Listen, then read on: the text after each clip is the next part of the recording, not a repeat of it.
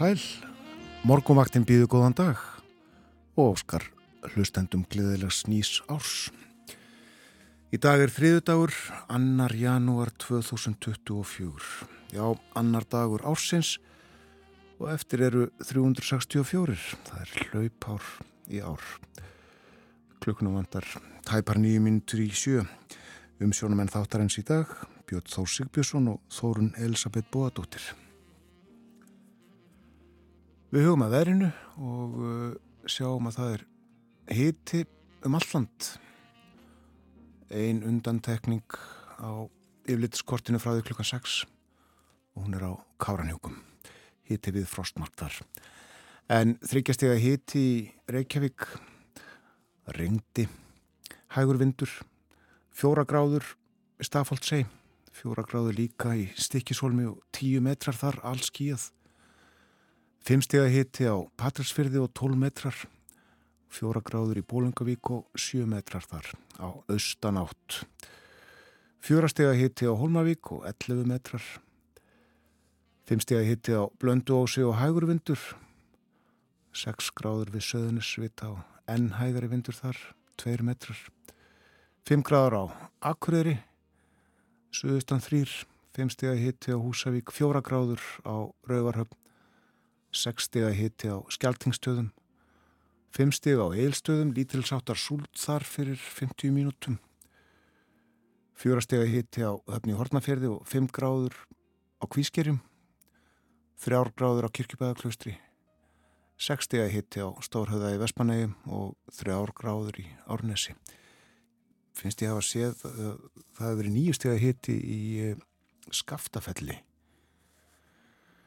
og það er tölvert á þessum tíma ás.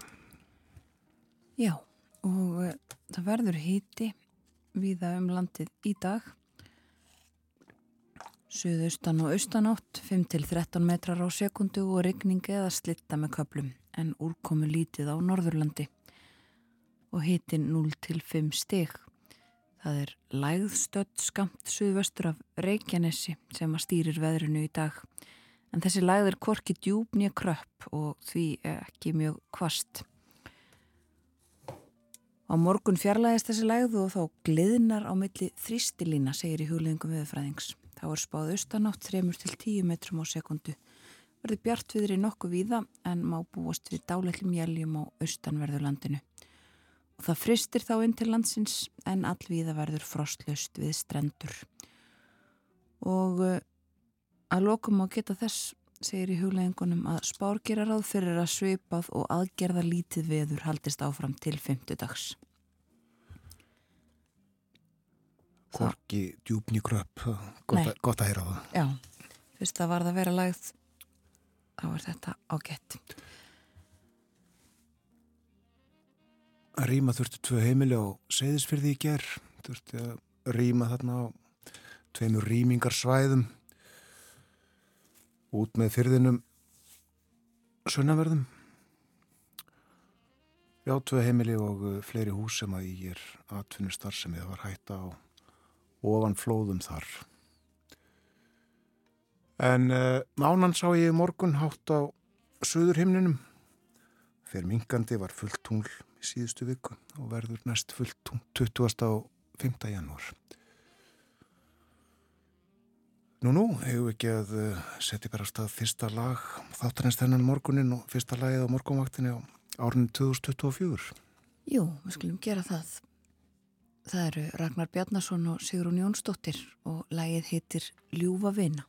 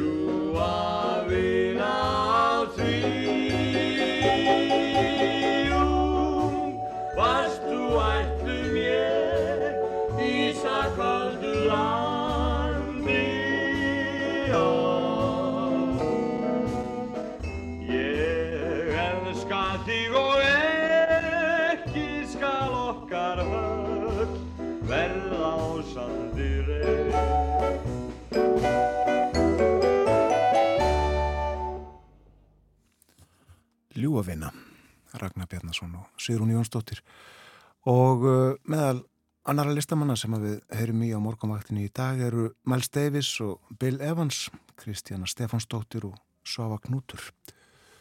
Það líður á fréttum, þær kom eftir mínútu. Við fáum okkur aðeins meira kaffi í bollana og uh, förum svo yfir dagskrá þáttarins eftir fréttinnar. Lítum í blöðin og sé hvað fleira.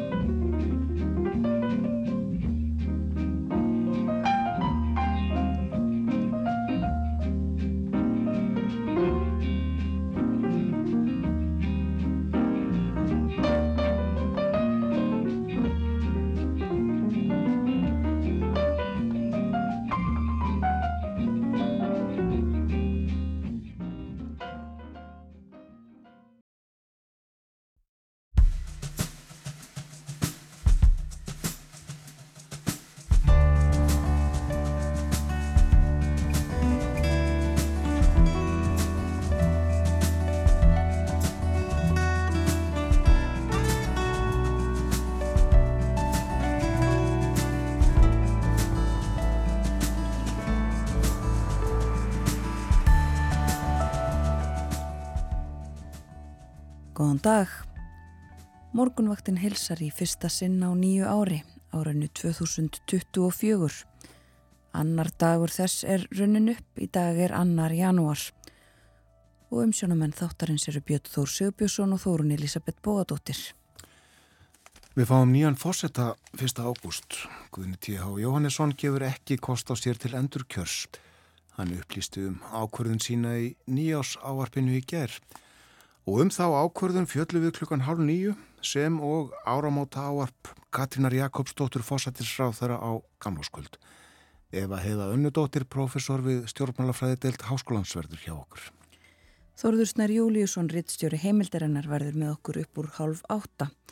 Við spjöllum um peninga í dag, meðal annars um þær breytingar sem gengu í gildi á skattkerfinu um áramót, þá fjármunni sem verkalýsræfingin vil að ríkið leggja mörgum svo kjærasamningar takist í góðri sátt og pluss og mínustölur í kaupallinni. Þá eru Berlinarspjall á sínum stað og í dag ætlar Artúr Björgun Bóllarsson að fara yfir það sem hæst bar í þýsku þjóðulífi á nýliðinu ári og segja frá væntingum þjóðurja til nýja ársins. Berlínarspjall eftir morgun frettinar klukkan átta. Það verður suðaustan og austanátt á landinu í dag, 5-13 metrar á sekundu og rigning eða slitta með köplum, en úrkomu lítið á Norðurlandi. Og hiti í dag, hann er á bylunu 0-5 stig. Á morgun verður austanátt 3-10 metrar á sekundu og bjartviðri en dálítil jél á austanverðurlandinu og hitin í kringum frostmark. Spár gera svo ráð fyrir því að það verði svipað og aðgerða lítið veður áfram til fymtudags. Þá verður norðaustanátt en fristir á ný. Og frost í kortunum svo í lok þessar viku. En hægleiti sveður eins og staðanir núna.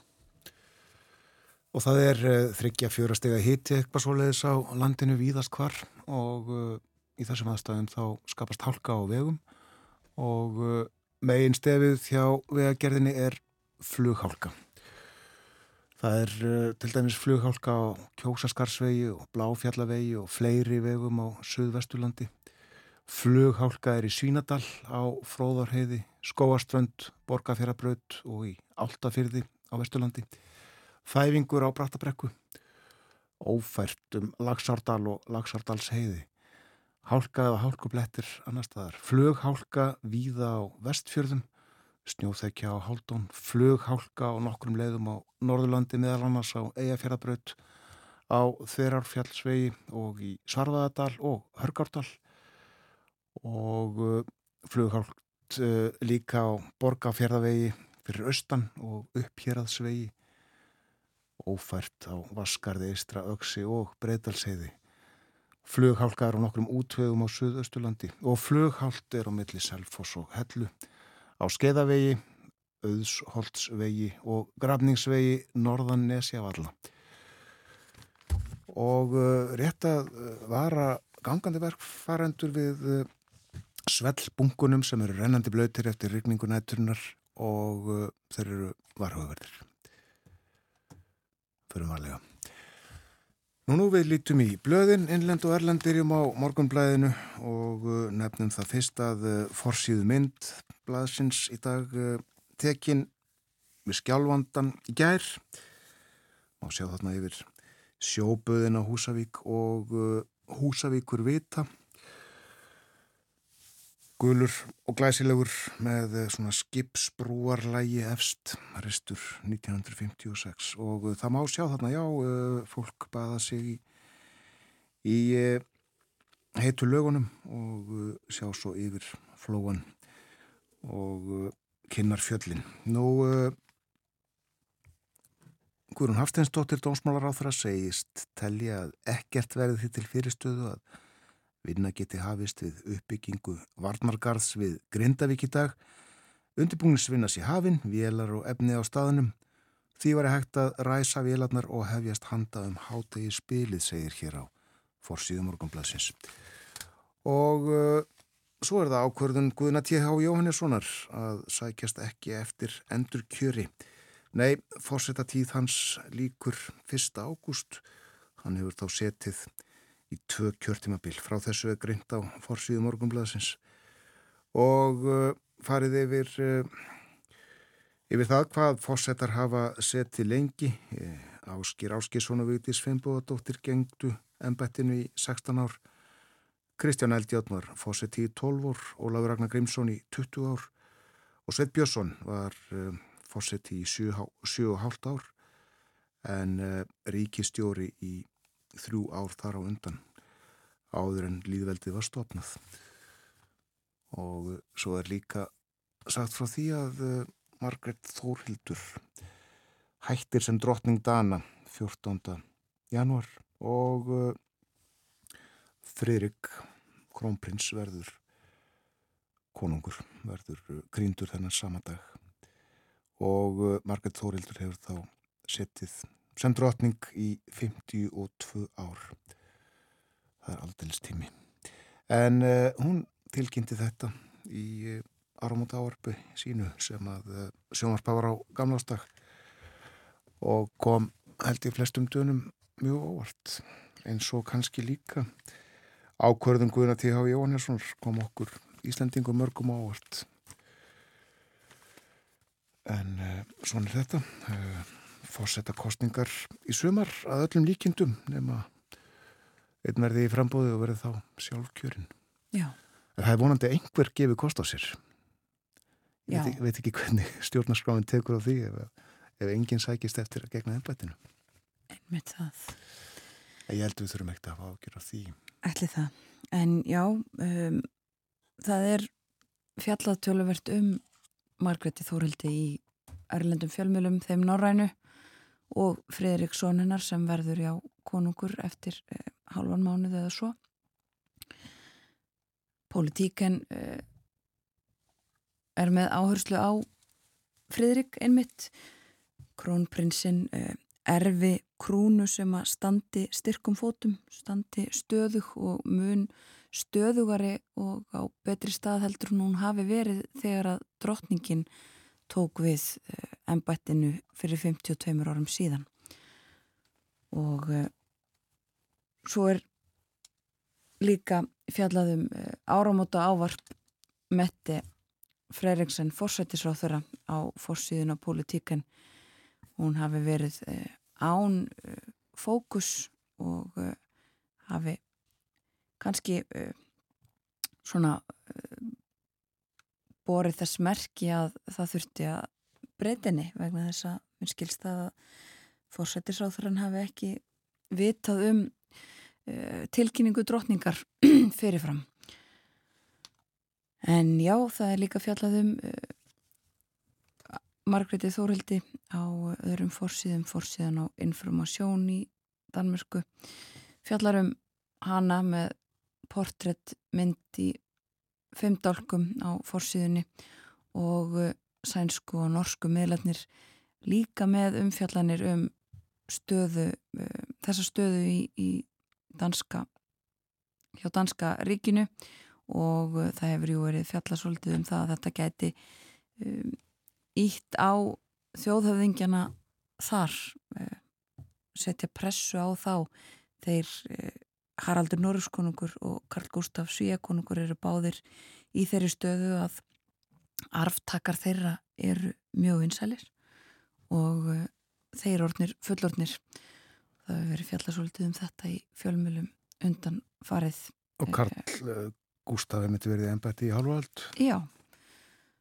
Þetta geti haft afleðingar fyrir Karl Gustaf og uh, sænsku krúnuna segir í, í frétt meðal hann sér á sænska, vefsænska ríkisútasins en það er líka já fjallað og mest lesið um bæði afsökn drotningar og um uh, verðandi kongin í Damörku. Nefnum það kannski að það er leiðenda veðurvíða í, í Noregi, það er svona helsta frettin 70 cm af snjó sem að hafa fallið til jarðar á stuttum tíma sem staðar þar snjó kaos á fyrsta virkadegi ársins segir í, í fyrirsögn. Ekki svo vittlust að vinna heima fyrir fólk sem að það getur, segir líka hér.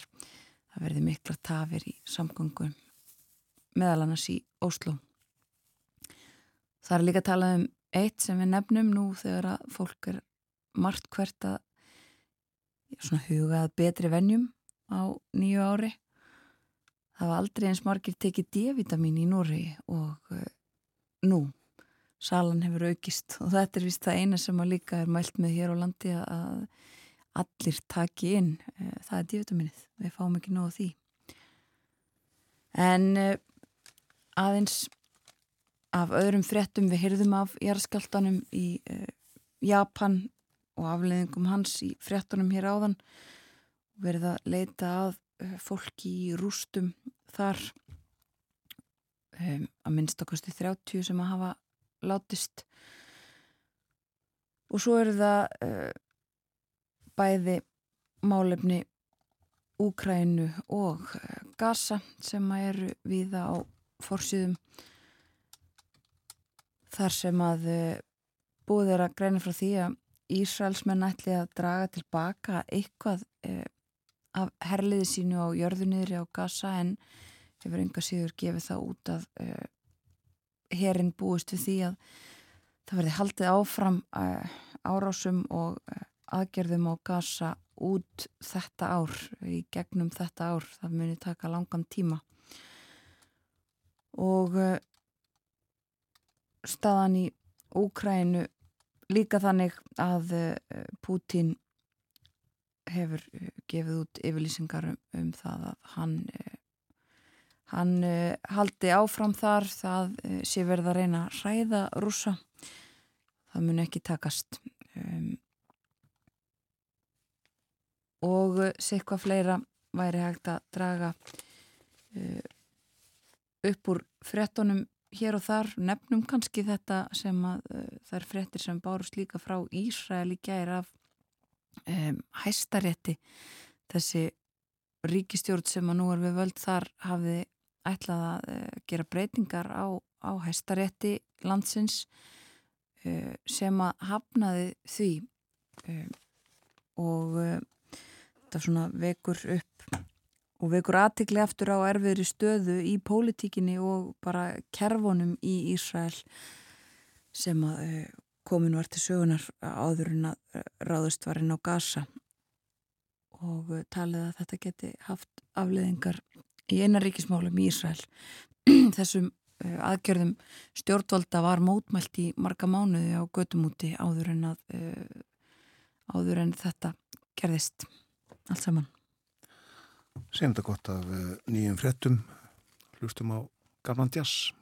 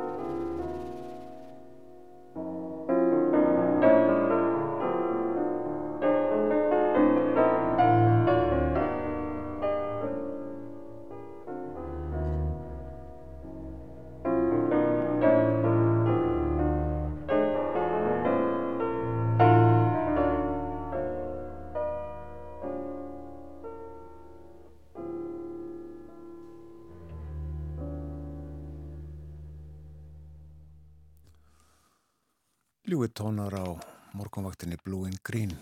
Miles Davis trompet Billy Evans á piano og fleiri snillingar þarna með þeim. Það er kolniða myrkur og uh, verður svolítið lengur uh, tekur að byrta um eða upp úr tíu sumstaðar enda rétt fyrir tíu. Og uh, sólar upprás viðaskvar umri klukkustundu síðar. Að verða hálf tól til dæmis í Reykjavík en fyrr annar staðar upp úr 11 á Eskifyrði svo dæmis er tekið og virkur skellur á svona öðru kórum megin við 5 sentipartin í dag. Framkom hér áðan að eh, það er óveður held ég með að segja í, víða í Nóri en uh, áttastega frost í norsku höfuborginni Óslo akkurat núna þegar klukkan er farin að ganga nýju heldur hlýra í Kaupanahöfn þryggjastega hitti þar 6 stega frost í Stokkólmi og 16 stega frost í Helsingi 6 stega hitti á heimbóin í Þórsöfni færiðum og 4 stega frost í Núkík á Grænlandi. Þar er eh, klukkan að verða hálf 6 að morgni.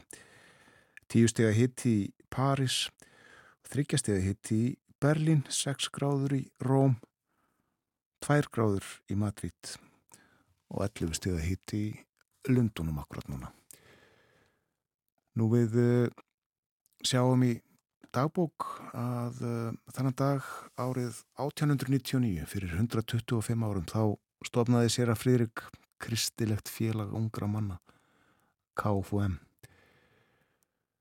og uh, svo er hér vita fánitur fróðleikur 190 ári eru í dag síðan Frídrík nokkur Lúis Dóbermann fættist, hann var þjóðveri vann hjá Þíska skattinum en nafn hans er á spjöldum sögunar því hann ræktaði fyrstu manna hundakinn og það er við hann kent.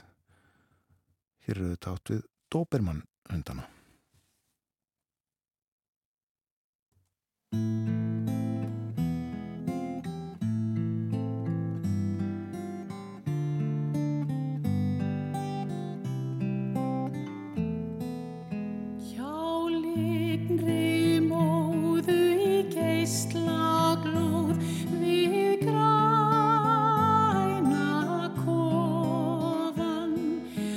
Skalt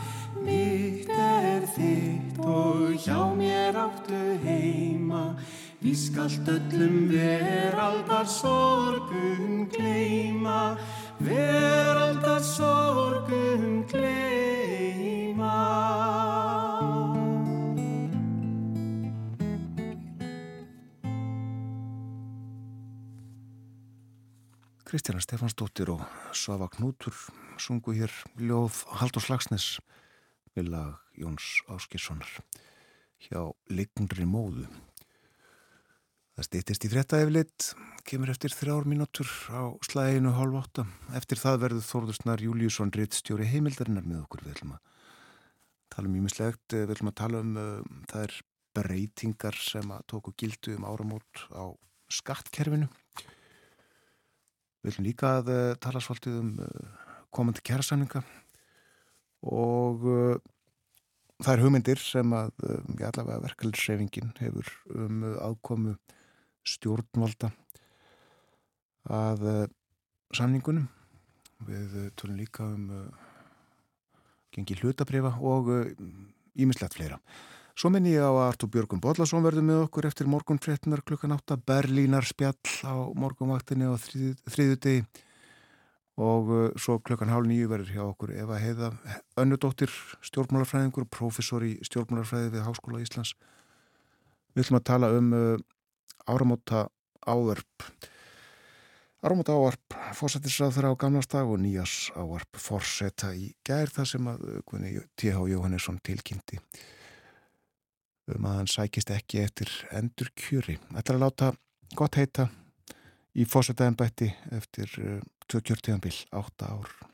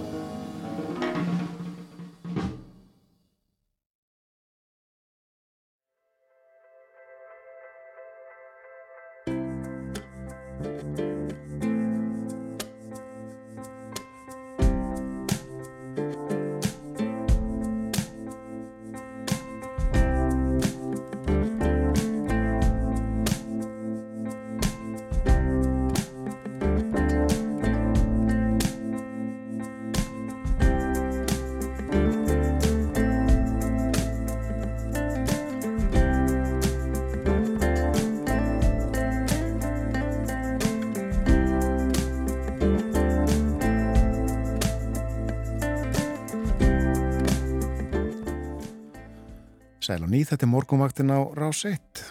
Klukkan réttliðilega halv átta. Það er þriðju dagur í dag, annar janúar og árið er 2024. Veðurhorfurnar söðaustan á austan 5 til 13 metrar á sekundu og rigning eða slitta með köplum. Úrkomu lítið á Norðurlandi, hiti að 5 stegum í dag. Og á morgun miðugudag, austan átt 3 til 10 metrar, bjartviðri, dáli til jél þó á austamörðurlandinu og hitti á morgun í kringum frostmark. Og uh, það er hálka víðaskvar á vegum landsins og uh, ekki nómið það heldur flughálka samkvæmt skeitunum frá vegagerðinni þannan morgunin. Það er eitt og annað framöndan hjá okkur í þettinum í dag. Ég minni á að uh, hér klukkan hálf nýju verður hjá okkur Eva Heiða Önnudóttir, stjórnmálafræðingur og professor í stjórnmálafræði við Háskóla Íslands. Við ætlum að fjallaðum áramóta áarp fórsættisráð þeirra á gamlastag og nýjás áarp fórsetta í gær. Farið við það sem þau sögðu og uh, mögulega lesa eins á milli línana einnig.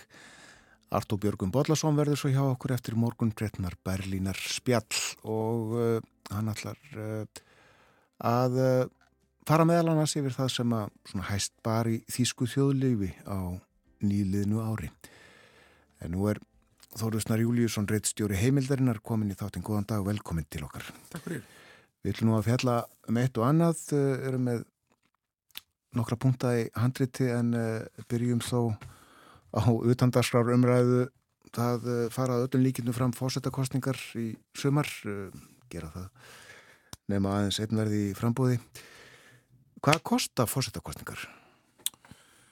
Já, þær kostuðu þegar þær fóru fram árið 2016 á þávirði svona um 340 miljónir króna eh, kostuðu 416 miljónir króna síðast þegar eh, Gunni T.H. Jónasson fekk mótframbóð frá einum mótframbjóðanda e, og það er svona uppregna með að við kostnaðin í dag e, á, á verðlega í dagsins dag svona 540 miljónir tæpar sem það kostaði að halda þær kostningar e, og við munum auðvitað 2016 voru tölvöld fleiri í frambúði en, en, en 2020 þannig að hérna, það fer ekkit eftir því hversu margir eru að sækjast eftir því að setjast að tímabundið á bestastöðum hversu kostnæðarinn er mikil þannig að hérna við getum svona meða við það að, hérna, að þetta sé svona allavega byrjunapunkturinn að kostnæðurinn ætti að vera hérna ykkur staðar í kringum 540 miljónir hefð minsta Já. þegar kosið verið nýrfósetti e, í sumar. Það var ekki gert ráð fyrir þessu þegar e, fjárlögur voru samþetti það á alþengi? Nei, ég held að það sé nú uh, í ljósi þess að það er hefð fyrir því að fósetti tilkynna það í nýjás áarpunnu sínu að, hérna, að það þurfu þá bara einfallega að gera ráð fyrir þess á fjáragálögum. Nú uh, þá að uh, öðru, ímsa breytingar taka gildi mannlega um áramót og þá við um skattkerfi. Það voru gerða breytingar á skattkerfinu, það ekki? Jú, það eru nokkrar og hérna, eins og svona svo kannski sem eh, fólk mun ekki átta sig að öllu leiti á er svo breyting sem verður á því hvernig skattur sem við borgum um hver mánagamót skiptist á melli ríkis sveitafélaga og það er gert til þess að koma til mótsvikröfur sveitafélagana um uh, herri fjárhæðir vegna málaflokks uh, fallara sem að færður yfir til sveitafélagana fyrir um tveimur áratugum síðan. Uh, og þetta er í ann annur áramótinni röð þar sem raunverulega tekjuskatts hlutfallið sem við borgum inn í ríkisjóðu lækkar en útsvass prósendan sem við greiðum inn í sveitafélagin hækkar á móti til þess að mæta þessum halla sem hefur verið á þessum málaflokki. Eh, þannig að það er einn breyting. Eh, við munum sjá þetta personafslátt hækka eins og gerist alltaf um hver mánagamót hann var 716.000 tæplega árinu 2023 og verður núna tæplega 780.000 eða 779.112 krónur. Og hérna í held yfir árið uh, þannig að hann fer úr tæplega 60.000 í, í, í tæplega 65.000 á mánuði Uh, sjáum skatleismörk breytast, við sjáum tekjuskatt lögaðila sem eru þetta fyrirtæki breytast, uh, það kemur þessi auka prósenta, prós, þetta auka prósentustík sem var bóðað hér fyrir hansi lungu síðan. Uh, þannig að tekjuskatturinn fer í 21% hjá hluta og enga hlutafélögum og í 38,4% á samegnar og samlagsfélög. Þannig að það eru umtalsverðar breytingar. Eh, það verða breytingar á badnabótakerfinu, viðmöðunar eh, fjárhæðir munu breytast, eh, fjárhæð með hverju bjarni, vakstabætur, það verða enga bætingar á vakstabótakerfinu, það er aðdeklisvert, það spara svona 350 miljónir króna fyrir ríkið að, hérna, að gera ekki slíkar breytingar í takti við til dæmis hækkun íbúðavers íbúðaverð hefur hækkað þannig og fasteina matið uh, hérna að ef að því hefði verið fyllt og, og vakstabætur hefði fyllt uh, því því að því meira sem þú átt í íbúðininni fasteina matið hækkar og þú átt á pappir meira í íbúðininni því hérna uh, meiri eign átt á pappir og því líklega ertu til þess að skerðast þegar kemur útgreifslu vakstabóta þannig að hérna, það var enga breytingar á útgreifslum vakstabóta uh, við auðvitað höfum rætt það hér áður að það er íms göld sem mun að hækka hér sáðum það strax bara í morgun að verða á rafbílum hækkaði um, já, rúmlega 1,3 miljónir krónar svona heilt yfir línuna e, og svo geta þeir sem kaupa sér rafbíla sóttum styrk upp á 900.000 krónur e, til þess að hérna, koma á móti þeirri hækkun en það er hækkun þar. Já, þetta er nýtt kerfi. Já, e, nefnskatturinn hækkar, hérna, útvaskjaldið fer úr 20.200 krónum í 20.900 eh, Frangatsjóður aldraðara hækkar lítilega líka um, um, um tæpa 500 kall. Eh, sama eh, erðafjárskattur stendur í stað en það er þá 10% en skatt frelsismörk erðafjárskatt það er að segja, þú mátt núna eh, erfa upp á 6,2 miljónum rúmlega áður en þú að fara að borga skattinn, það var tæplega 5,8 miljónir í fyrra þannig að það eikst og svo þetta bara þessar blessu krónutöluhækkanir sem uh, þegar var búið ákveða myndi bara hækkum 3,5% en ekki takt við verðlag og þar eru við að tala um bensín og oljugjöld og kólefnisgjald og áfengisgjald og tópaksgjald og, og þetta allt saman sem hækkar alltaf um, um, um áramót og oftast í takt við verðlag. Já, en svo er ráðum en að hvetja uh, atvinnlífi til þess að, að halda aftur af sér í verðhækkunum.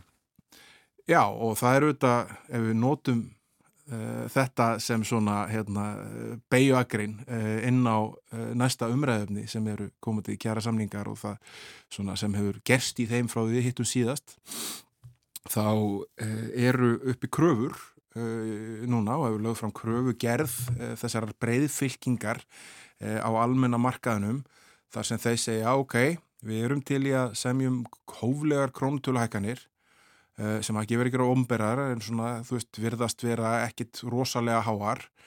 Uh, ef að okkur verið mætt með allskins öðrum aðgerðum. Og þar eru kröfur, uh, rosalega stórar kröfur á meðal annars eða ofnbera, bæði ríki og sveitafjölu. Það vakti líka aðtekli að samtök aðtunlýs og breyðfylkingin sendu sameila frá sér tilkynningu þar sem þau alltaf stefna þessari þjóðasátt og samtök aðurlýsis voru að hvetja fyrirtæki landsins til þess að halda aftur af verðhækkunum til þess að stuðla betra verði fyrir því. Og þá standa eftir uh, ef, ef að þetta gengur allt eftir ef að, að launþegarhefingin uh, heldur í sér varðandi, varðandi launahækkanir og fyrirtækin uh, standast á freystingu að velta verðbólgunni út í verðlægið með verðhækkunum þá stendur upp í krafa á hefðu ofnbæra að hérna er ríkið að laga millifæslukerfin eða tilfæslukerfin sem eru vakstabóta og badnabótakerfin á hátt sem uh, ja, Stefán Ólásson, sérfræðingur eblingar mati grein sem hann skrifaði á ef heimildarnar núna á milli jól og nýjás á 20-25 miljardar króna á ári. Það er dágóð upphæð Uh, og með því e, á að stefna að að þessi kerfi veri lögu þannig að þau fari á þann stað sem þau voru árið 2013 og þetta er þetta risastór krafa og verður mjög áhugavert að sjá hvernig gengur pólitíst að verða við henni ef að vilja til vegna þess að það hefur verið pólitíst stefna e, í fjármálaráðundun undirföldum árum og víðar í stjórnsíslunni að raunlega skipta um svona húsnæðistunningskerfi, fara úr vakstabótakerfinu uh, og yfir í kerfi sem er á eftirspunnarliðinni sem er uh, skatt frá snýting sérðnarspartnaðar og hefur aðalega verið að nýtast öðrum tekjuhópum en vakstabótakerfi, það er að segja efri tekjuhópum frekar en þeim legri uh, og þannig að þetta stendur upp á ríkið Já. og þetta er skýrkrafa og svo eru líka uh, kröfur um úrbætur í húsnæðismálum sem eru óutferðar allavega og ofinberlega en verða öruglega ekki eh, lástendar eh, svona í ljósi eh, forsögunar og krafa á sveitafélögin að sveitafélögin drægi úr þegar bóðuðum gjaldskrárhækkunum hjá sér að þær verði hóflegri en þegar hefur verið lagt upp með. Og manni sínist svona flest stæstu sveitafélögin hérna á höfbruksvæðinu meðstakosti eh, séu tilbúin í það.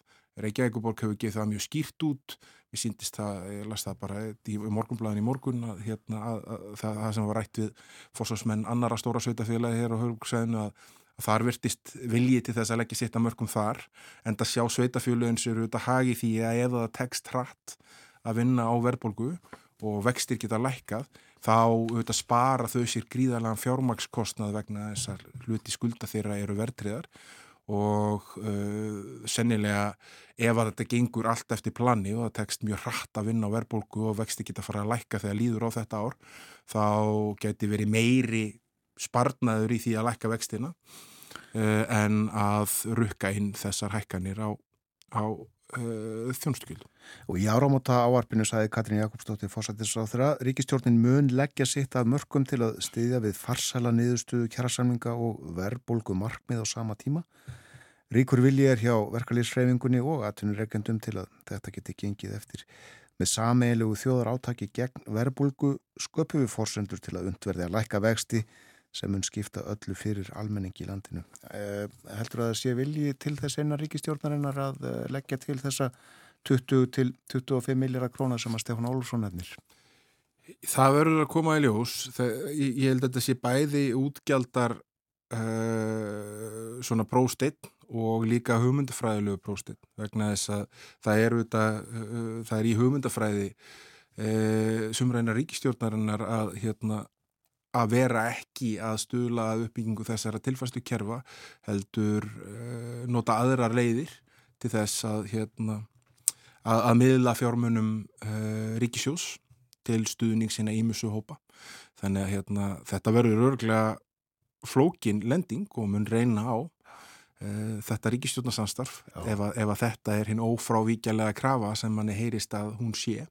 En þú hefur fylst lengi með eh, kjæraviðraðum eins og svo mörgum öðrum málum, máluflokkum. Eh, það er ofinu góðu tótni í fólki núna, er þetta ekki? Já, ég held að þetta sé, ég held að eftir öll lætin sem voru hér fyrir rúmi ári þegar það er raunlega logað allt í illdelum, bæði á milli deiluaðila og ekki síður sko innan launþegarhefingarinnar voru mikil átök og ofinber átök og degubarklegar yfirlýsingar hægri vinstri og var komið svona rosalega uh, vond stemning á melli þá. Þetta frangatstjóra samt að gatunilifsins og margra leiðtoga í, í, í, í launþegarhefingunni uh, þá held ég fólk bara báðu megin hafi sest niður og hugsa bara ok, veist, við verðum að hugsa þetta aðeins öðru í sig bæði hérna strategíuna, aðferðafræðina sem við ætlum að bæ, beita í því að reyna að ná einhverju fram og svo þetta er það þannig að staðan á síðasta ári sem er að líða,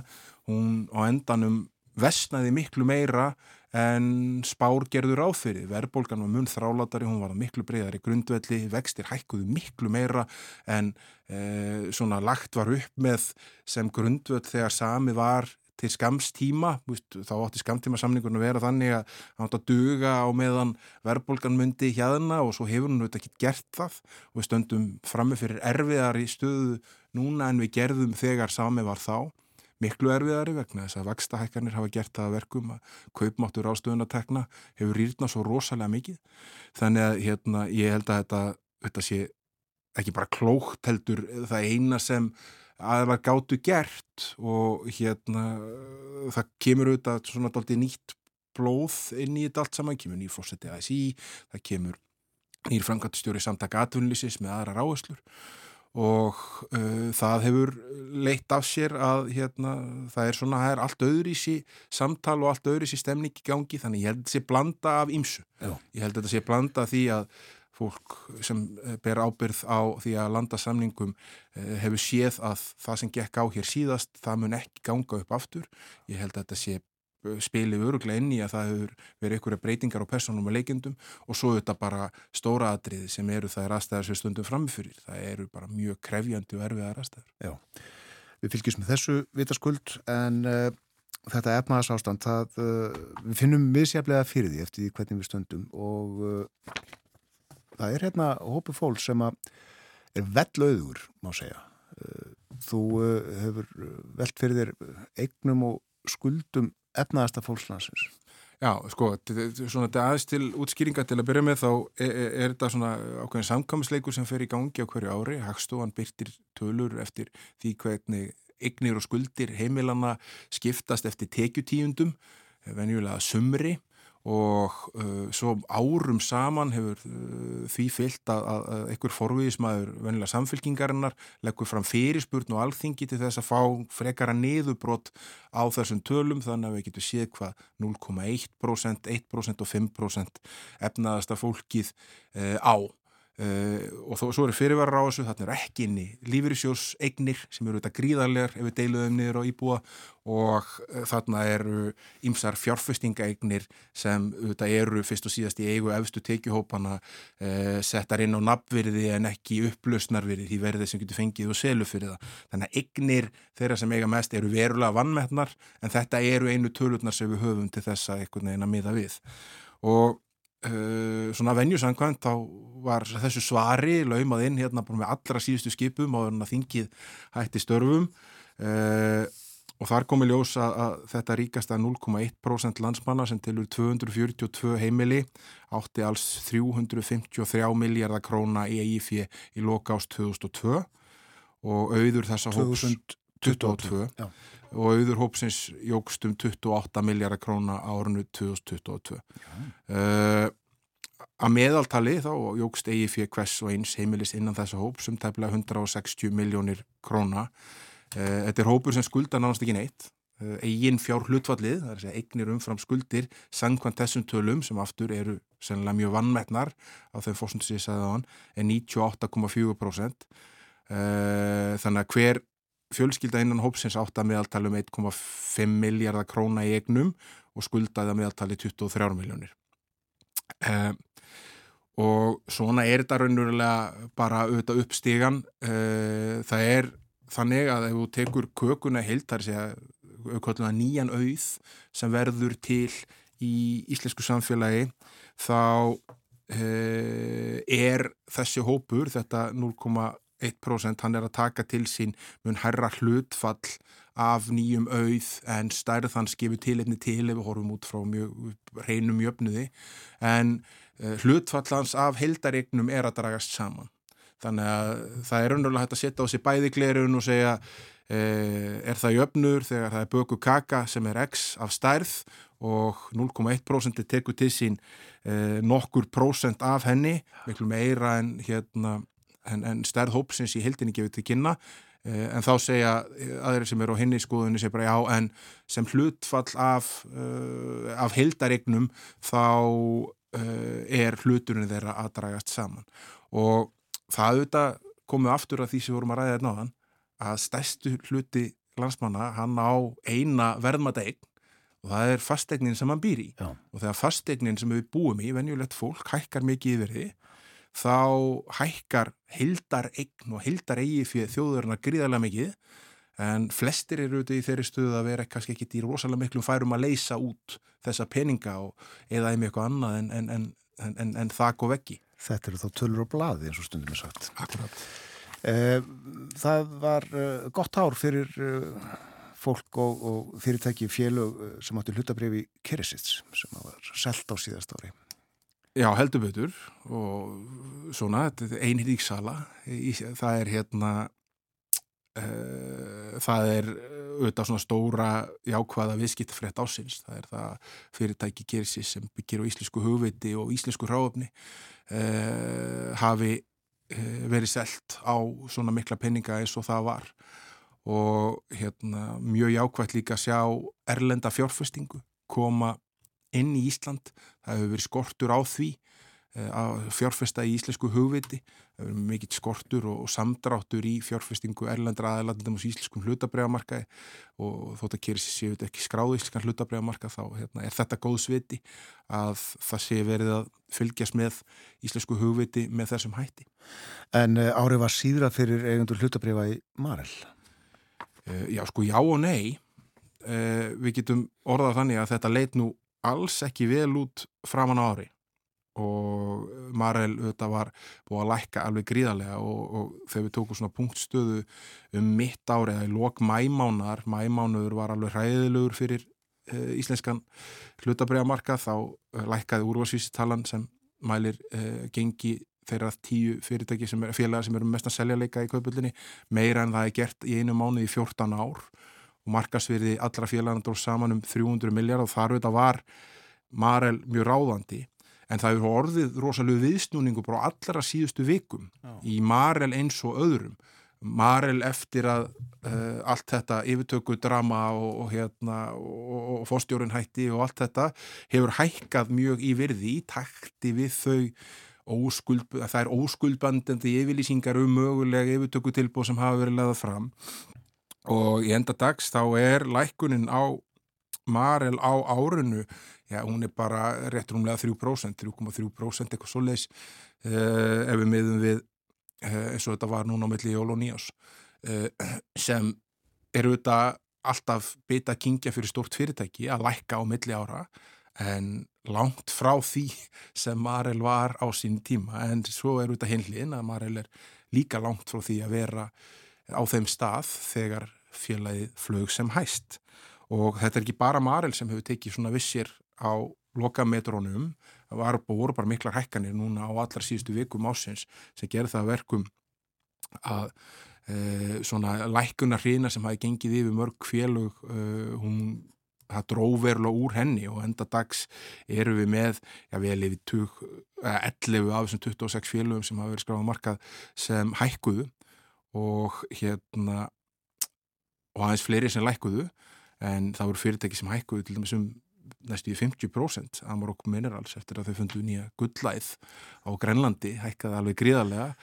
Ölgerðin hækkaði yfir 40% á, á síðasta ári Sjófa á yfir fjóruðung Hampiði annum næstum fymtung e, Smásölu fyrirtækin Stóru, Festi og Hagar áttu fínt ár og svo framvegs á meðan var svona verri ár hjá fjölmjölu og fjarskiptafyrirtækjum, sín lækkaði allra félaga mest, símin lækkaði umtarsett líka og svo auðvitað Æslandir. Þetta eru upp á niður. Takkaði fyrir að vera með okkur í dag, Þórður Snari Júliusson. Takk.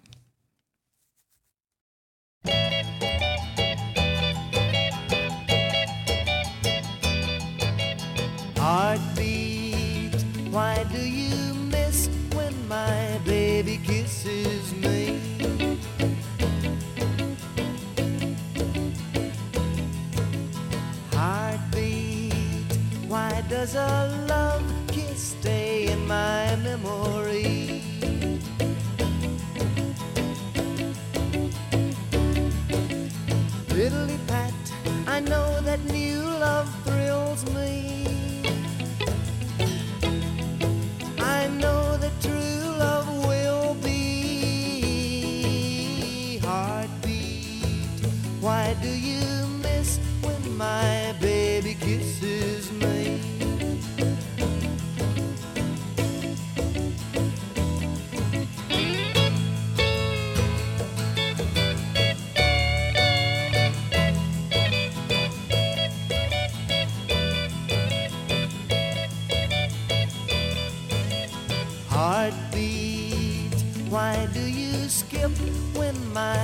baby's lips meet mine?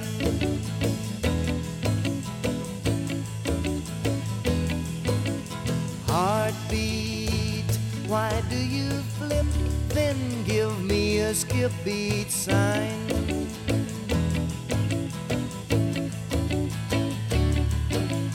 Fiddly pat and sing to me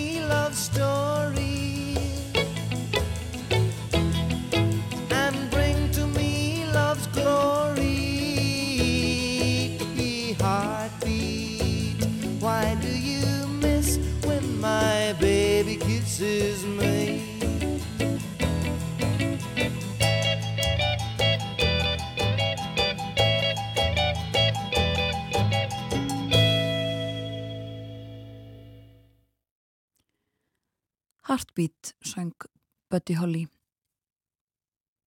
Áður við leikum það lag þá var hjá okkur Þorðusnar Júliusson rittstjóri heimildarinnar. Fór yfir ímismál í fyrsta spjallu okkar á nýju ári. Meðal annars eh, kostnað við það að halda fórsetakostningar sem að eh, útlýttir fyrir, allt útlýtt fyrir að verði í sumar. Og eh, hann fór líka yfir ímsar breytingar sem að hafa orðið nú um áramót skattabreitingar og fleira. Ímislegt fleira á dagskráni en eh, eftir fréttinnar sem eru næstar á dagskrá verði með okkur Artúr Björgum Bodlason Berlínar spjallið á sínum stað og þar er ímislegt líka á dagskráni og í síðasta litu þáttarins þá ræðum við um áramóta ávörp fórseta og fórsetisráþera Eva heiða Önnudóttir, professor í stjórnmálafræði við Háskóla Íslands verður með okkur og fer ofan í þessi ávörp þeirra Guðina T.H. Jóhannessonar og Katrínar Jakobsdóttur.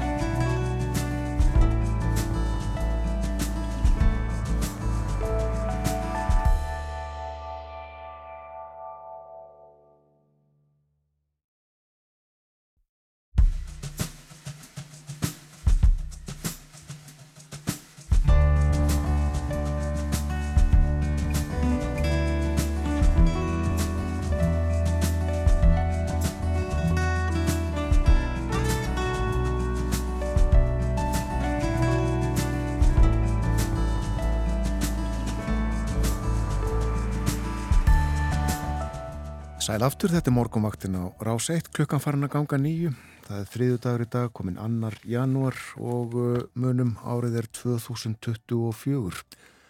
Ágættis, veður á landinu eins og farið var yfir undir lok fréttatímas hér áðan og það verður líka skaplegt á morgun miðugudag. En það er hálka á vegum og uh, flughálkaraunar býðast hvar samkvæmt skeitum vegagerðarinnar þennan morgunin. Og hér fyrir fréttina rættum við við Þórsnægi Júliusson réttstjóra heimildarinnar og uh, nú ætlum við að tala við Artúr Björgun Bodlason Berlínar spjallið á sínum stað á nýju ári hér á morguvaktinni. Heitlu sætlu góðan dag Artúr Björgun. Góðan daginn. Við ætlum að byrja á að uh, forveitnast aðeins um áramótin í uh, já, Berlín og í Þískalandi. Já, uh, svo við byrjum hér á Bellin að þá uh, voru áramótin ekki jafn rústusum og lauruglan hafði óttast hér í borginni.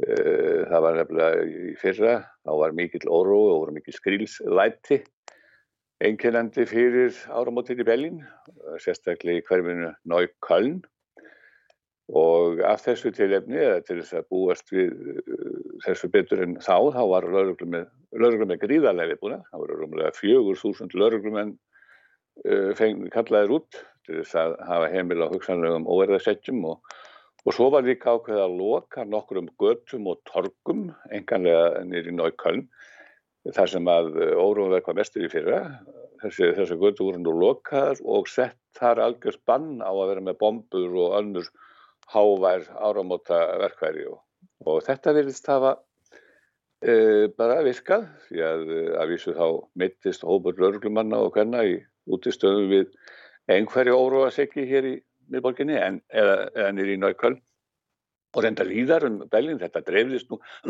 þetta dreifðist nú aðeins meira áramóta gleðin heldur hún gerði áður út af þessu lókunum Já.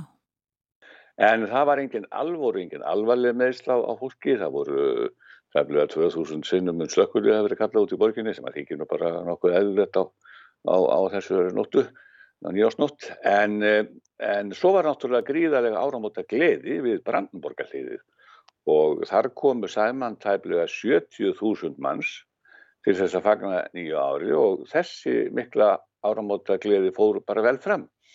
Og það hjálpaði líka til að, að hér var sagt, alveg einstök veðurblíð á nýjásnótt og sem sagt má segja að það hefur bara allir verið ánæður eftir eftir nýja ári eða þegar nýja ári gekk í garð. Já, einmitt það.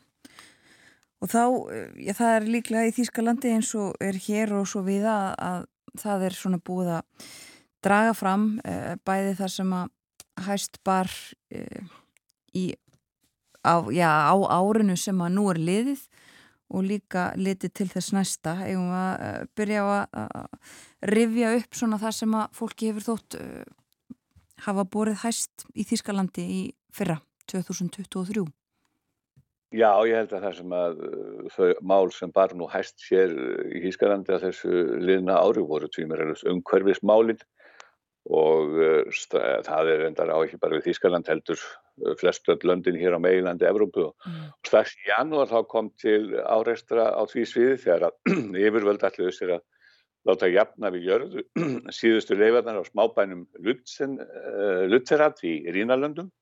Rétt.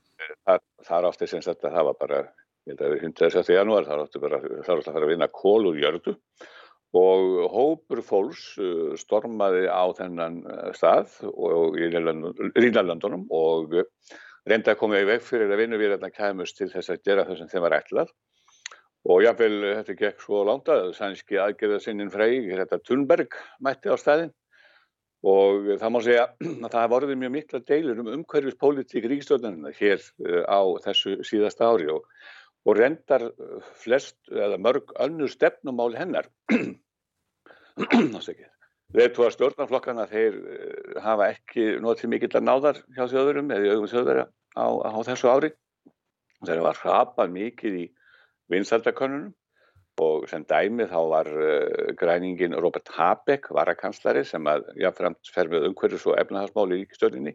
Þá var hann í byrjun ásins eitt vinsælasti stjórnmálum aða landsins og nú er hann hins vegar aldrei fallin að þeim stalli og eitt af því sem að allir því að, að hann fjall á stallinum voru svo kvöldu húshittunarlög sem að hann ætlaði að berja í gegnum mitt árið og þessi lög, uh, nýju lög, allir gríðarlegu uh, í rafhári, ekki síst vegna svo kallar hýtapumpu sem við segja fyrir norðan eða hýtadælu sem að átti að taka upp í húsum, öllum nýbyggingum og jafnframt þar sem hægt verið í eldri húsum.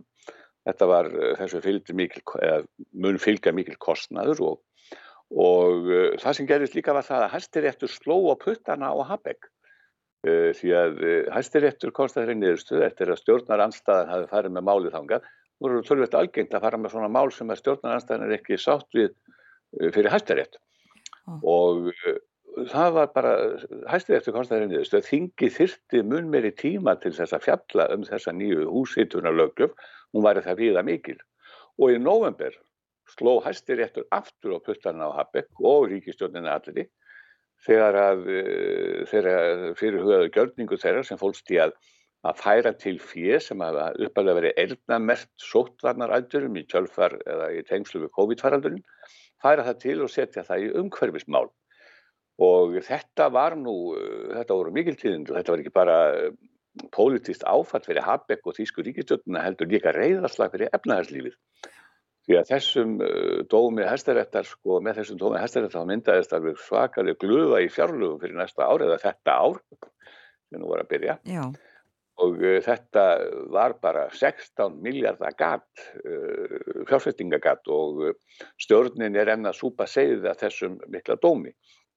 Og það má segja sem þetta í það heila að þá hafi eiginlega sko árið verið mjög döflegt fyrir og erfitt fyrir ríkistjórn Ólaf Skjölds og sjálfur nýtu kanslarinn hefur hans fylgi mjög minkað á árinu samkvæmt skoðanakonunum. Og það gildi líka leiðtóa þriðaflokksins í ríkistjórnunni, frálsættdemokratan Kristján Lindner. Mm. Annað mjög merkileg sem gerist núna í lok ársins, höldum okkur við stjórnmálinn, að þá uh, emdi flokkur í Lindners, uh, frálsættdemokrataflokkur til skoðanakönnuna hjá félögum uh, í flokknum, um það hvort að uh, frálsættdemokratar ættu að halda áfram þáttöku í ríkistjórn Ólaf Scholz eða ekki. Og niðurstaða var tilkynnt í gær, það eru alveg glæni í tíðindi 52% vilja halda stjórnarsamstöðuna áfram en 4800 vilja hætta því Já.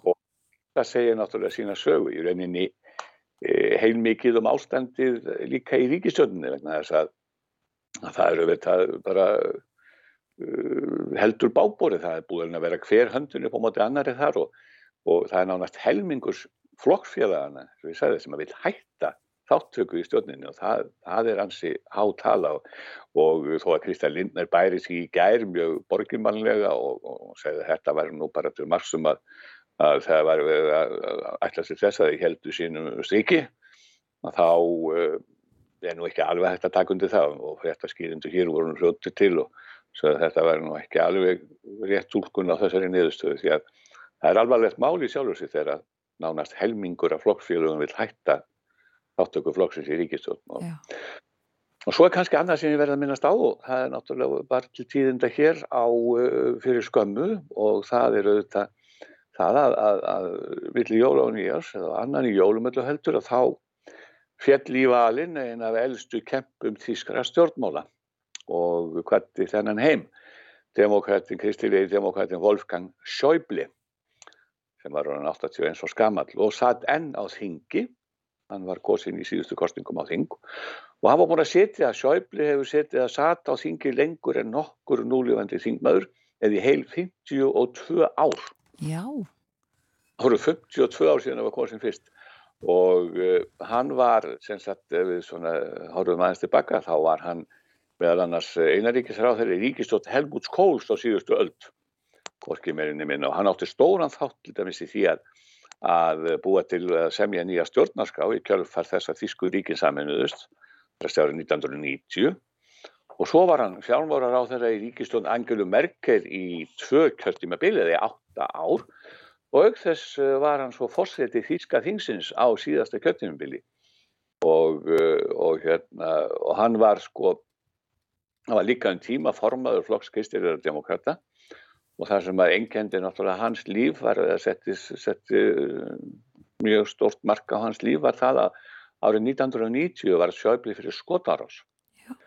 Það var andlega veikur maður sem að skaut að tveimur skotum á hann á frambóðsfundi og hann lifði árásuna nömmlega af en var fallaður allar til síðan og bundin við hjólastól.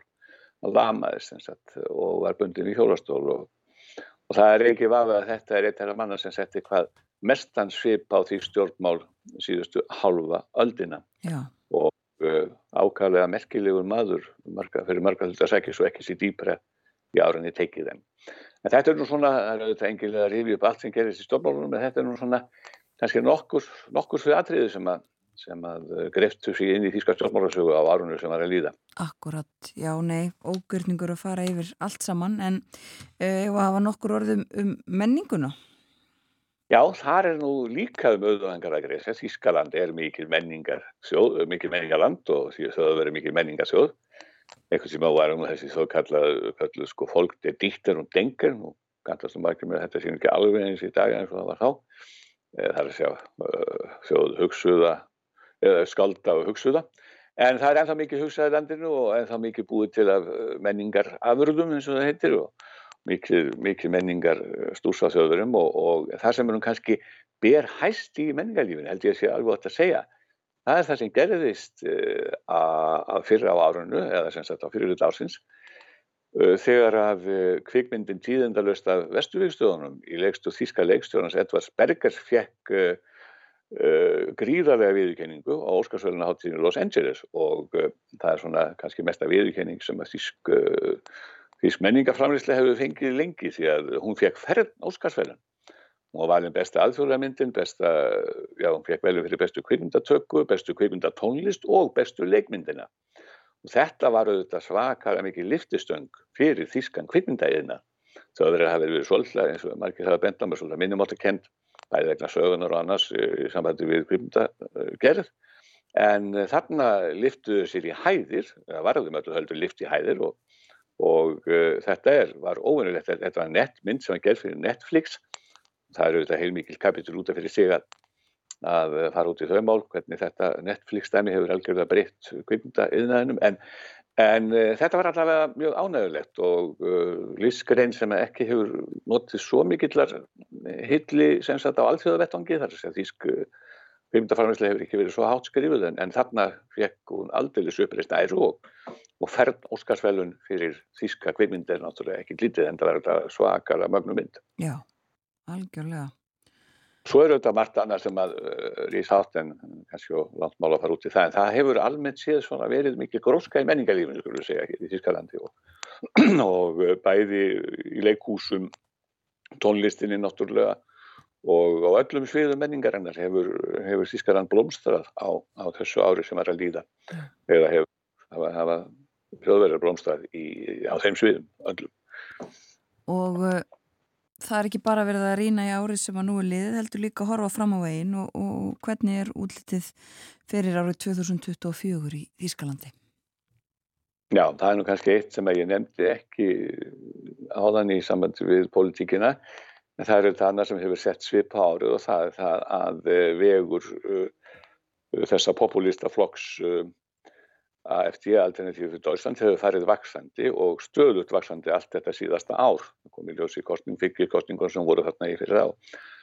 Uh, og uh, nú eru þrennar fylgiskostningar í vendum á þessu ári, þær eru allar austamegin í Þískarandi og talandi um pólitískar horfur þá er náttúrulega ljóst að ef að framheldur sem horfir þá munu populistarnir, munu þessi þjóðurinn sinnaði auka flokkur fá verulega stuðning og byrjundir báðavæng í, í þeim kostningum sem að verða á næsta haust en það getur margt gert en það sem eru kannski engjörnandi fyrir svona það þegar stjóðverður eru spurðir út í horfurnar næsta ár og hvernig þið lítist á næsta ár er það að það er mikil óvissa ríkjandi. Það er, hefur komið í ljós að, í konunum að uh, menn eru svolítið vantrúaður á stjórnmálinn orðið. Það er náttúrulega ekki skrítið vegna þess að stjórnmála ástandi hefur verið mjög skrikkjátt í Þískalandi á síðasta ári og það hefur eftir vantrú fólks þegar horfir fram á þetta ár á stjórnmálunum. Og svo er náttúrulega ástandið í heiminum sem þjóður að finna verulega mikið fyrir og uh, það eru þessar styrjaldir tvær sem eru í gangi með Östurlöndum og svo náttúrulega Úkrænum stríðir. Já. Þetta hefur fekka, uh, komið verulega illa við þjóðverja. Uh, bæði hafa gríðarlega fjárflúkur verið settar í stöðningu Úkrænum menn og sömulegðis að þjóðverja styrst Ísæðismenn og það eru náttúrulega þeirra þeirra, þeirra hefðbundum bandamenn þannig að uh, þetta hefur sett svip á og setur svip á, á svona það þegar menn eru að horfa fram á næsta ár og svo eru menn að óttast það var verið að fella nýður ákveðna uh, svona uh, það var verið að hækka viljusöka skatt á vissum hlutum eins og til dæmis í veitingaþjónustu það var búið eftir COVID-faraldurinn, það var búið að setja sem sagt lækka veriðsökarskattina á allar veitingar sem sagt eru veitingahúsum og þínlitt og nú er verið að í gæri sem sagt hann í uh, rann þetta út og uh, nú er sem sagt verður eitthvað dýrar að fara út á borða heldur sem við verið og það eru einhverja verðhækkanir í, í, spilunum sem að leggjast ekki vel í menn og svo er annað að, að það er greinilegt að eldra fólkið er miklu svart síðna heldur en yngra fólkið, fólk undir 35 ára aldri horfir svona bjartari augum uh, til þessa árs, þessa nýja ársheldunni þeir sem eldri eru og uh, það er kannski ekki, ekki óæðilegt þeir sem eldri eru náttúrulega fylgast uh, oft betur með og það er svo merkilegt þegar maður horfir á þessa kannanir að yngra fólkir í Þýskalandi og eins og víðar í álfunni hefur bara takmarkari áhuga á stjórnmálum heldur en það heldur en hefur verið Já. menn finna fyrir þessu og alla kannanir meðal unga fólksins sína þá og ekki bara kannanir, ég hef verið að ræða við út fólk upp á síkasti sem að hérna komir svona í tæri við og í fjölskyldu og, og, og utan hennar og það er bara maður finnur fyrir þessum minkandi áhuga á stjórnmálum. Eh, það er vantrú á stjórnmálamenn, það er vantrú á stopnarnir, ímsa stopnarnir sem er tengjast eh, stjórnmálunum og eh, svo kannski varðandi svona horfurnar, já það er nú reynda spáð minni verðbólgu, það er nú eitt af því sem yllningar eru alltaf að tala um líka, er verðbólgan, uh, hún fer mingandi, það er gett ræð fyrir því að hún verði kannski ekki náma svona millir 2-3% á næsta ári, það er uh, ágættis árangur, uh, haguvöxtur verður hér samkvæmt öllum spám ekki mjög mikil en hann verður einhver samt sem áður. Og þannig að það eru svona, við getum sagt að, að þjóðverðarnir fari bæði einstaklingar, bara þjóðverðarnir sjálfur og og svo innfyrirtækin og, og, og þessu stóru innfyrirtæki uh, fari svona með blendnum tilfinningum inn í þetta nýja ár. Það er óvissan en það sem kannski setur mestan svip á það þegar fólk er spurst. Það veit reynilega ekki hvernig þetta ármunni verða. Nei. En uh, helmingur telur að það verði verra fyrir sig og hinn helmingur að það verði betra en svo farið gerir. En það er eitt sem að kannski má nefna að orð ársins var kjöri hér núna fyrir áramótin. Já, og hvað var það? það? Það er orðið krísinmótus og það segir sína sögu. Það er að segja krísinmótus þýðir bara á íslensku kreppu ástand og uh, það er orð ásins og, og það segir sína sögum um það hvaða var sem setti svip á árið og já, fremtuleg svona held ég að það sé nú bara það sem að muni einkenna svolítið uh, hugarfar manna og ástandið á, á, á komandi árið hér. Sviða, það, bara, það er fyrir, fyrir sjáanlega kreppa á mörgum sviðum þó að öðrum sviðum eh, verði nú kannski ástandi skára og það má kannski nefna að það er oft hannig að þegar efnahagslífi fyrir eitthvað í lægð og svona þá, þá blómstra menningin en vita það, þá losnar losna ymsir kraftar og læðingi skapandi kraftar og við mhm. getum bara að setja og nokkar af það og við gerum það hér að, að, að þetta muni verða gríðarlega fínt menningar ár þó að og verður einhver öldu dalur þarna í efna og einhverjir efnahagslægðir fyrir sjáanlegar. Já, og þú heldur áfram að segja okkur frá já, efnahagsmálunum, stjórnmálunum og menningunum ekki síst e, í Þískalandi. Kærar þakkir fyrir... Bilbu á okkur finna. Nei, sannarlega ekki. Kærar þakkir fyrir í dag, Artur Björgum Bóllarsson í Berlín. Takk. Já, eh, árilegst svona og svona í þjóðverja, en uh, hvernig ætlið það að leggist í Íslandinga? Jú, landsmenn eru almennt bjart sínir varandi komandi ár og telja flestir að það verði betra fyrir sig persónlega en árið sem er nýliðið. Þetta sínir þjóðarpúls Gallup. Rúmlega helmingu landsmanna tilur að árið sem er að ganga í garð og er gengið í garð verði betra fyrir sig persónulega en uh, nýliðið ár Þetta á við um 52%.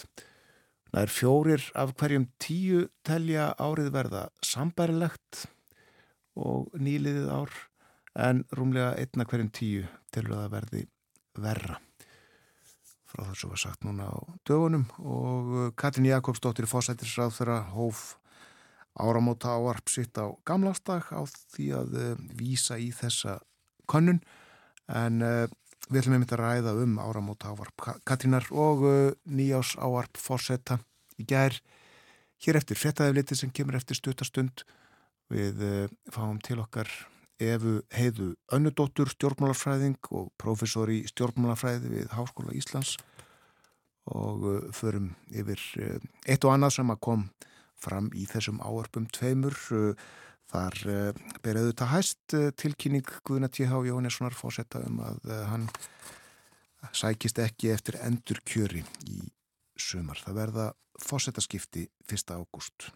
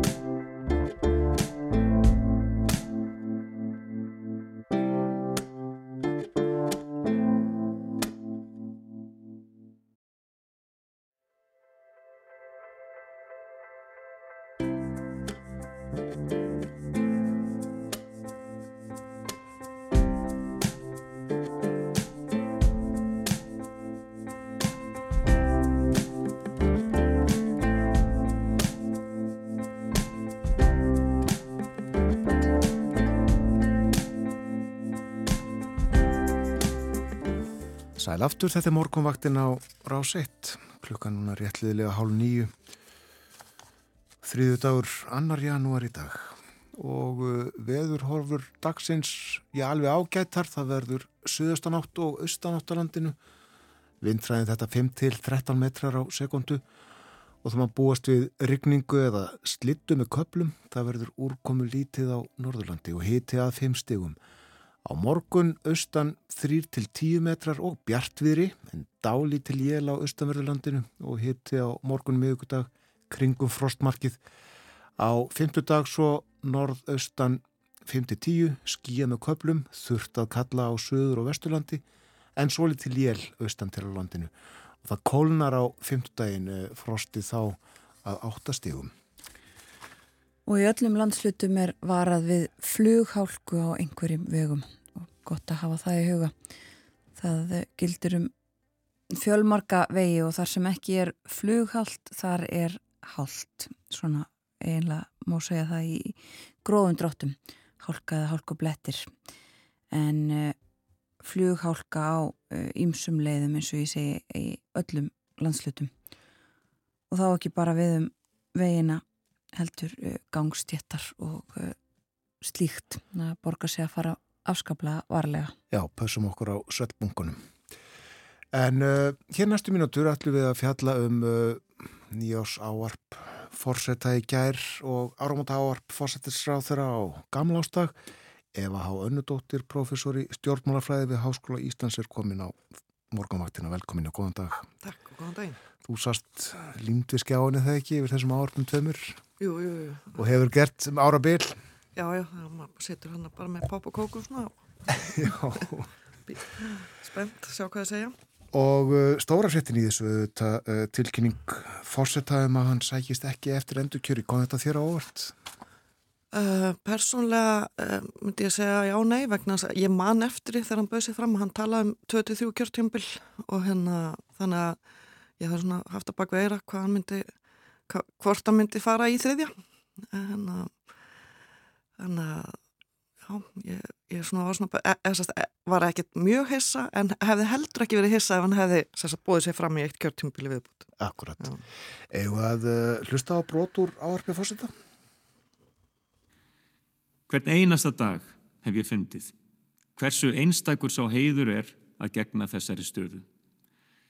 Þess vegna neyta ég því ekki að ég íhugaði vandlega að sækjast eftir stuðningi til frekari setu eitt kjörtjumabilenn. Aftur á móti komst ég ætíð að þeirri niðurstöðu að betra væri að láta hjartað ráða en fylgja öðrum rökum sem hljóta teljast veikari þegar allt kemur til alls. Í samfélagi likja skildur sér hvers víða en höfum þó ætíð í huga að vilji fólk stiðja aðra þarf það einnig að gæta að eigin líðan.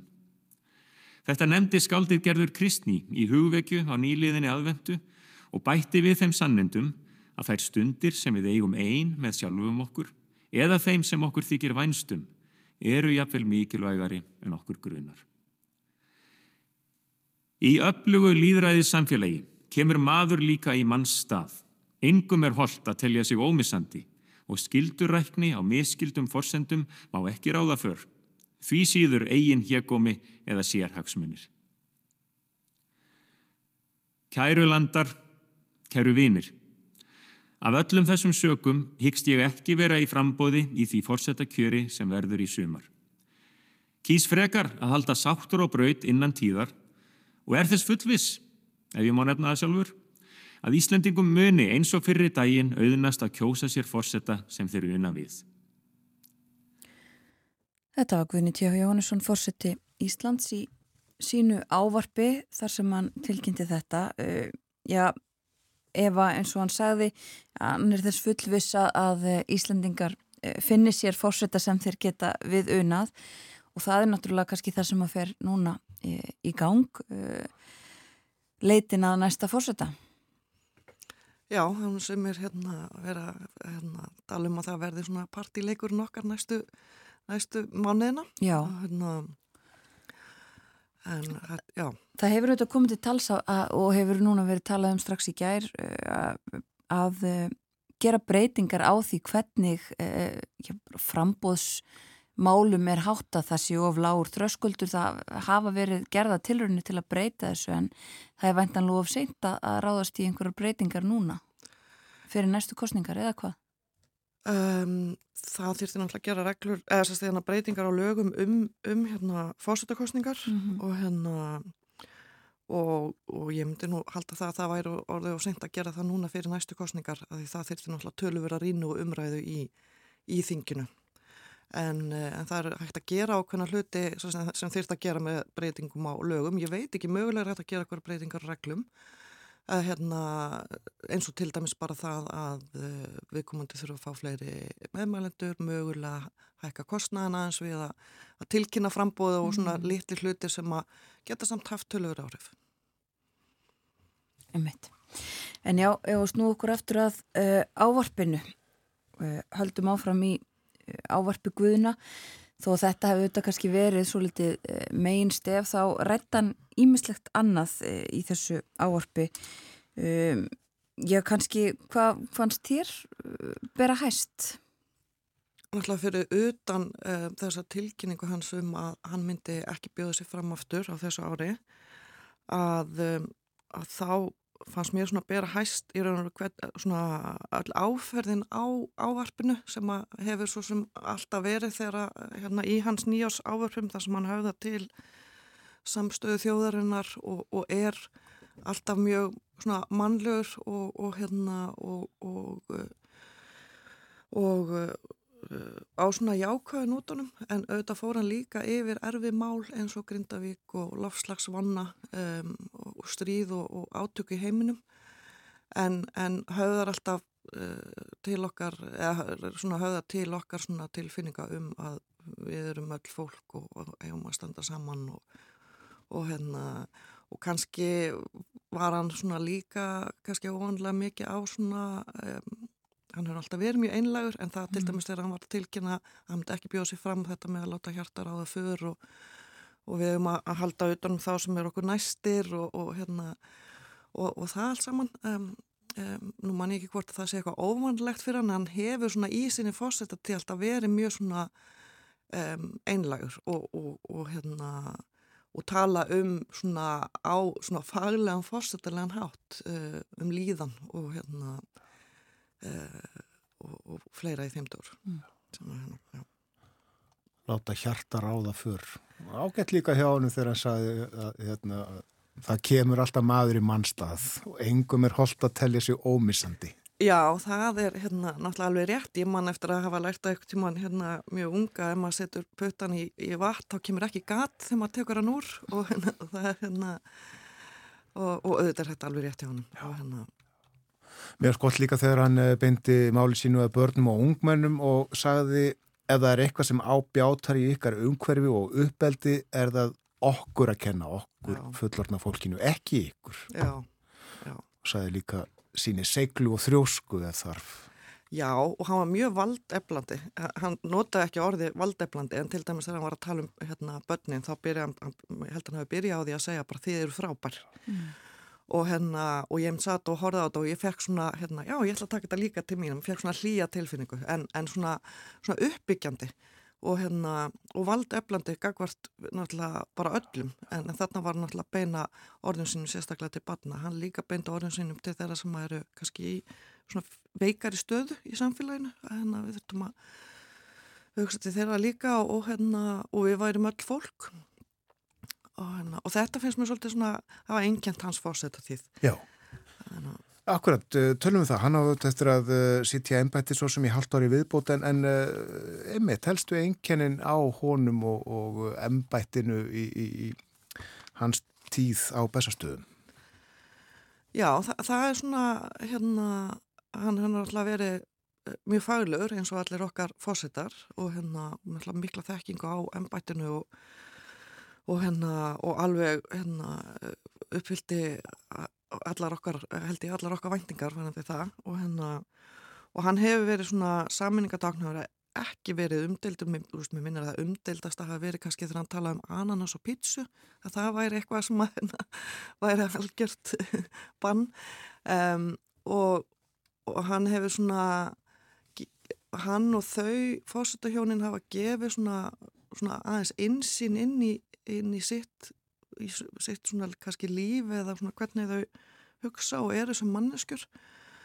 Um, þannig að um, ég mynda mér að margir hafi svona náðu að tengja við fórsetan sem manneskja, ekki bara sem fórsetin okkar. Og svo hefur hann náttúrulega saman okkur og, og hérna og, og bara staðið sér rosalega vel það verður alveg eftir sig á honum. Þó svo að komi maður í mann stað hérna, þá, þá held ég að hann megi bara vel við unna Stjórnmálinn hafa eh, mestu leiti síðan sér sjálfa á þessum tíma, hann svona eh, ekki þurft að hafa mikil afskipti af pólitíkinni.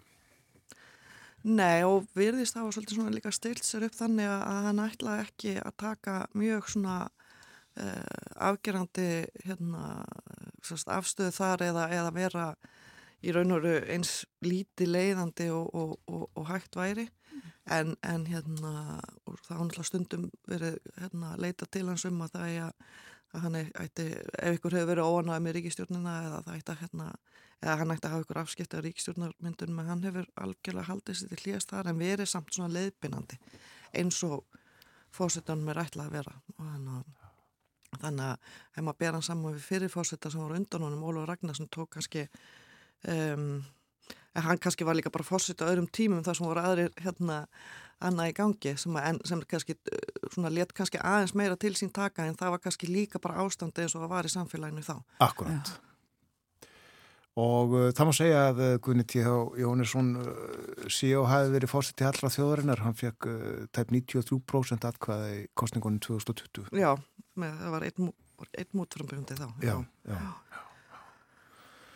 Eða við þá að tala svolítið um ávart pósættisráðura Katrinar Jakobsdóttur á gamlástag og uh, svona fyrir það fyrsta uh, var eitthvað þar sem að koma þér ávart? Nei, það var sjálfsveit ekkert sem komur ávart í, í hennar ávarpi. Hún fór svolítið um viðan völl, hún talaði um kjaramálinn, hún talaði um verðbólguna, hún talaði um uh, barnafjölskyldur, hún talaði um Grindavík, hún talaði um lofslagsvona, hún talaði um hérna, jafnbretti og, og hérna og svona opnaði áarpið á svona kvartningarorðum um, og tala um bjart síni og, og samstöðu og, og var svona líka svolítið, hérna hún er náttúrulega líka okkar, okkar leitói á, á stjórnmálunum, annars konar heldur um fósendin en, en já, hún opnaði áarpið svona á svona hérna kvartningarorðum og, og við verðum að vera bjart sín en svo komu öll þessi erfiðu mál. Og hérna og eitt tölurinn tíma ég að tala um kjaramálin og það til dæmis að að það ætti að ná verðbólgunni niður um helming fyrir lok þessa árs.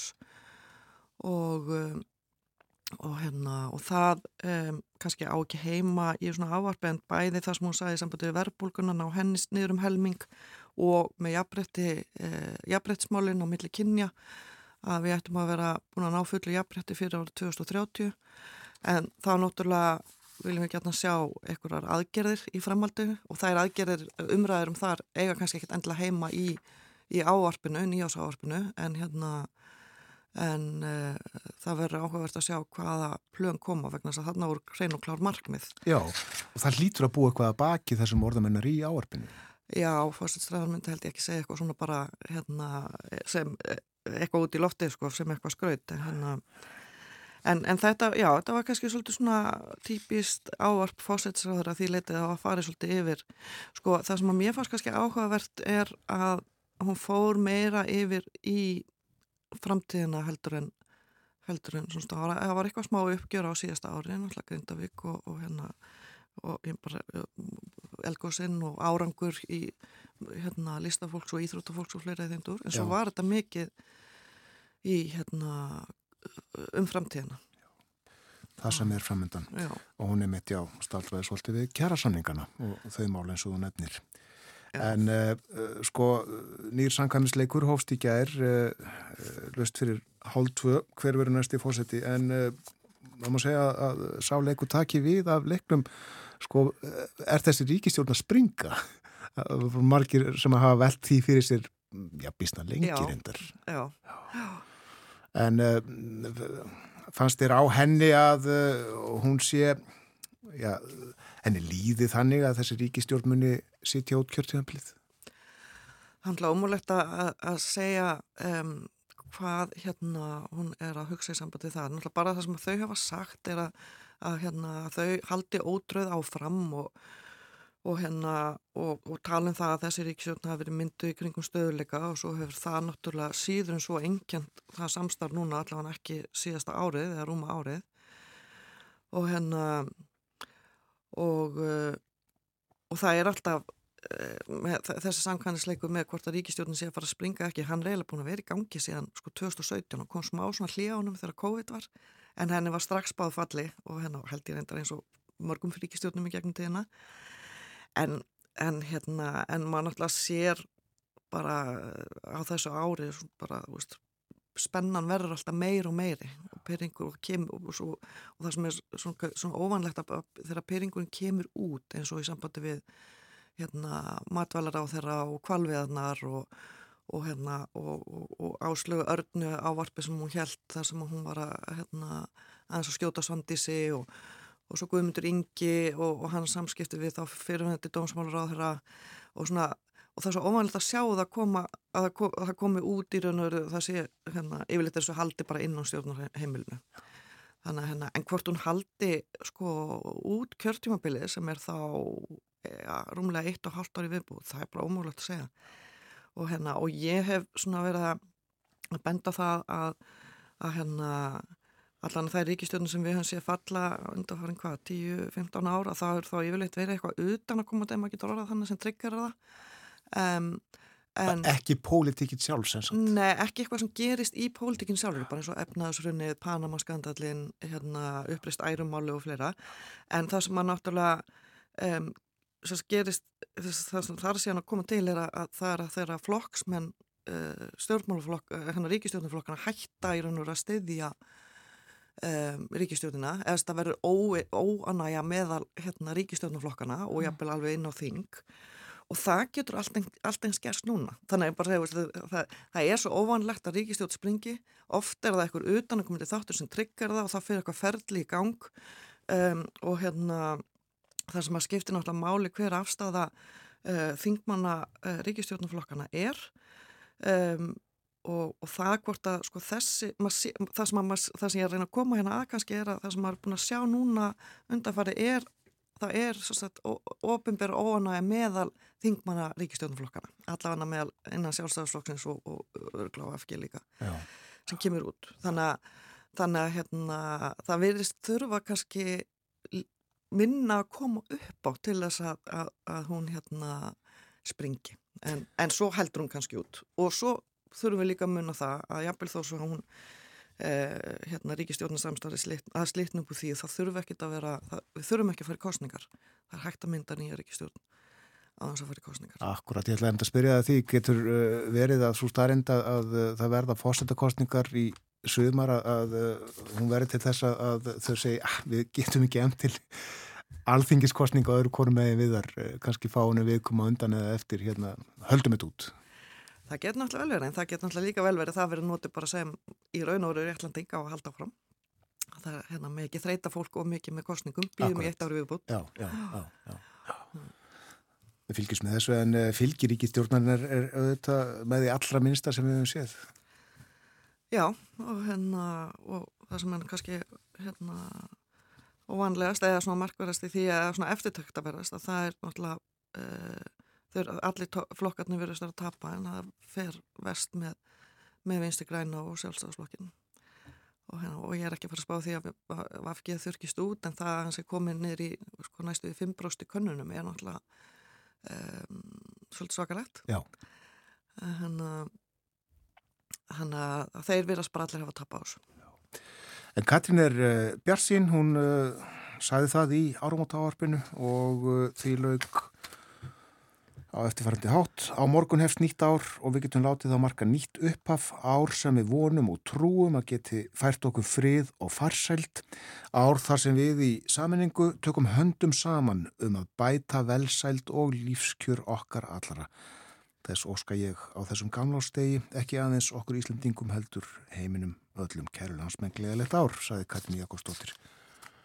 Og látu við þá um fjöllunum uh, áramáta ávarp fórsættisráþra og nýjás ávarp fórsætta lokið. Þakkaði fyrir að vera með okkur hér í þættinum Eva Há Önnudóttir. Takk.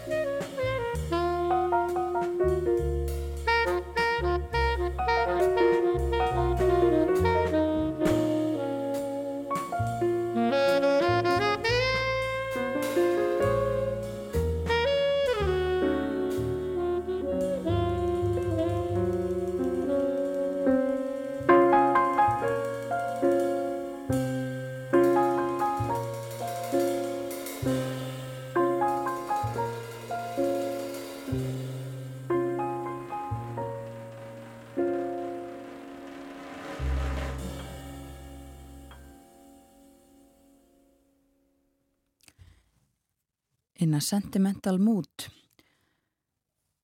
Duke Ellington og uh, John Coltrane þarna. Á ferð á svont fleirum. Þessu að ljúka hjá okkur á morgunvaktinni í dag þessum fyrsta þætti ársins 2024 Sjálfsagt pínlítið átak fyrir sund fólk að uh, vakna og koma sér út í daginn. Já, og þá er ágætt að hafa í huga að það er fínasta veður held ég með að segja viðast hverjum landið en eh, tölverð hálka, flughálka á vegum viða. Tekur að byrta eftir bara klukkutíma? Já, nú lengir daginn, hægt og rólega. Við þökkum samfélgina, höfum setið hér frá því fyrir klukkan 7 morgun og hekjum skera það eftir í fyrramálið, Björn Þór og Þórun Elisabeth. Vonum að þið njótið dagsins, verðið sæl.